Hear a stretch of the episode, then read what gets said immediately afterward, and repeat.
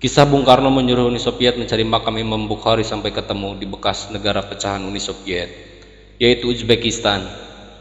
Nama Presiden Soekarno sangat dihormati. Jika orang Indonesia yang Muslim datang berkunjung ke Uzbekistan, mengunjungi makam Imam Bukhari, salah satu ahli hadis Nabi Muhammad Wasallam akan diberi keistimewaan. Orang Indonesia akan diizinkan masuk ke bagian dasar bangunan yang merupakan tempat jasad Imam Bukhari disemayamkan. Perlakuan istimewa ini berkat jasa Bung Karno. Tahun 1961, pemimpin tertinggi Partai Komunis di Uni Soviet sekaligus penguasa tertinggi Uni Soviet Nikita Sergeyevich Khrushchev mengundang Bung Karno ke Moskow. Khrushchev yang berkuasa di Uni Soviet dari tahun 1953 hingga 1964 itu hendak menunjukkan pada Amerika Serikat bahwa Indonesia berdiri di belakang Uni Soviet. Dalam buku Total Bung Karno karya Rosodaras diceritakan bahwa Bung Karno tidak mau begitu saja datang ke Moskow. Bung Karno tahu kalau Indonesia terjebak, yang paling rugi dan menderita adalah rakyat Indonesia. Bung Karno tidak mau membawa Indonesia ke dalam situasi yang tidak menguntungkan Bung Karno juga tidak mau Indonesia dipermainkan oleh negara mana pun. Maka Bung Karno mengajukan syarat. Dialog pun terjadi antara Bung Karno dan Khrushchev. Saya mau datang ke Moskow dengan satu syarat mutlak yang harus dipenuhi. Tidak boleh tidak, kata Bung Karno.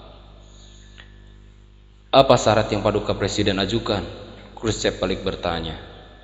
Bung Karno menjawab, temukan makam Imam Al-Bukhari. Saya sangat ingin menziarahinya. Khrushchev segera memerintahkan pasukan elitnya untuk menemukan makam dimaksud. Ternyata hasilnya nihil. Khrushchev kembali menghubungi Bung Karno. Maaf Paduka Presiden, kami tidak berhasil menemukan makam orang yang Paduka cari. Apa Anda berkenan mengganti syarat Anda? Kalau tidak ditemukan, ya sudah, saya lebih baik tidak usah datang ke negara Anda, ujar Bung Karno. Kalimat singkat Bung Karno ini membuat kuping Khrushchev panas. Khrushchev kembali memerintahkan orang-orang nomor satunya langsung menangani masalah ini. Setelah tiga hari pencarian, pengumpulan informasi dari orang-orang tua muslim di sekitar Samarkand, anak buah Khrushchev menemukan makam Imam Al-Bukhari Imam Bukhari lahir di Bukhara pada tahun 810 Masehi. Ia meninggal dunia dan dimakamkan di Samarkand pada 870 Masehi. Ketika ditemukan, makam Imam Al-Bukhari dalam kondisi rusak tak terawat.